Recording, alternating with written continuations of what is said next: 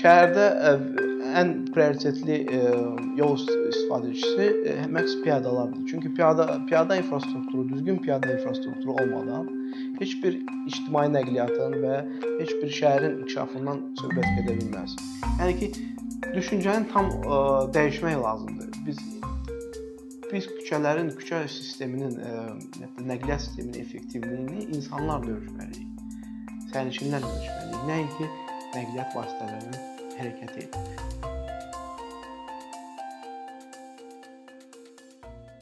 Prioritetdə ikinci ə, iştirakçı isə ə, ictimai nəqliyyatdır. Ə, ictimai nəqliyyat ə, şəhərin küçə sahəsini ən ə, səmərəli istifadə edən ə, bir şeydir. Baxın bu o, deməli şəhərin bir küçəsidir və təxminən 60 nəfər daşıyan avtomobillər dayanıb. Onun yanında isə ə, eyni 60 sərnişin bir avtobusda yerləşməsi. Görə bilərsiniz ki, bir avtobus ə, şəhər ə, sahəsini nə qədər daha səmərəli istifadə edir. Və ya velosipedçilər də ola bilər. Velosiped həm ekoloji cəhətdən təmiz nəqliyyatdır, həm də çox ə, effektiv nəqliyyatdır əgər ə, söhbət orta və qısa məsafələrdən gedirsə. Və eynicə eyni zamanda insanların ə, sağlamlığı üçün ə, stimullaşdırıcı bir ə, alətdir. Onu da qeyd etmək lazımdır ki, bizdə yol məfhumunu və küçə məfhumunu səhv salırlar çox vaxt. Bizdə küçələrə yol kimi yanaşırlar və hətta səkini səkiyə də bir yol kənarı kimi baxırlar. Lakin şəhərin küçəsi çox daha mürəkkəb bir anlayışdır. Şəhər küçəsində yerli bizneslər olur, piyadalar olur, ictimai nəqliyyat olur və təbii ki, şəxsi avtomobillər olur. Amma küçə ola bilər ki, orada ümumiyyətlə şəxsi ümumiyyətlə nəqliyyatın hərəkəti qadağandır. Yol isə bir mühəndisi qurğudur ki, hansında ki, ancaq avtomobillər hərəkət edir. Yəni ki, bu e, funksiyasına görə çox fərqli məfhumlardır. Bunları ə, e, bunlara səhv salmaq olmaz. Əgər insan evindən çıxıb ə, e, ən yaxın ictimai nəqliyyat stansiyasına və ya dayanacağına çata bilmirsə, ə, bu ictimai nəqliyyat da effektiv ola bilməyəcək. Yəni əslində ə, bu növ davranış ə, Avropanın bir çox ölkələrində ə, var. Məsələn,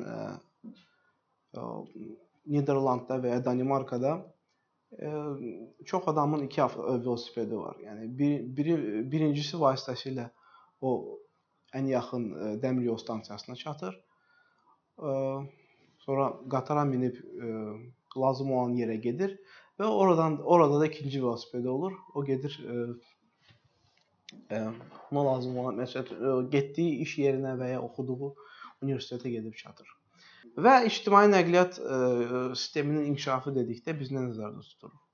Birinci növbədə ə, e, bizə ə, e, səmərəli və bir-birinə inteqrasiya edilmiş, əgər biz böyük bir şəhərdən danışırıqsa, inteqrasiya edilmiş ə, sistem lazımdır. Yəni ki, iki nəqliyyat növünün dəyişilməsi və ya bir nəqliyyat növündən digərinə keçmək daha rahat olmalıdır. Yəni yəni ki, ə, mübadilə stansiyaları belə olmalıdır ki, e, mən məsəl məsələn avtobusdan düşüb tez bir sürətdə metroya minə bilim və ya qatara minə bilim və ya əgər bir uzaq bir yerdən gəlirəmsə e, və şəhərin kənarıdırsa, orada mən avtomobili e, uzun müddətli saxlayım və e, şəhərə səyahətimi məhz ictimai nəqliyyatla davam edim.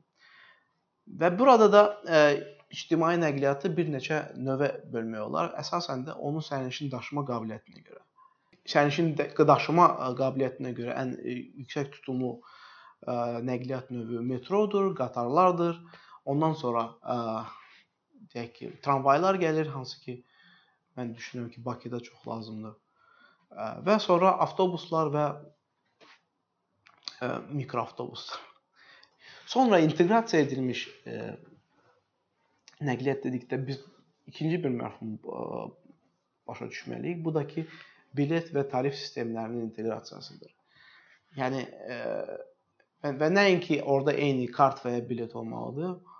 Sistem elə qurulmalıdır ki, sərnişin bir nəqliyyat növündən digərinə keçəndə əlavə pul xərcləməsin.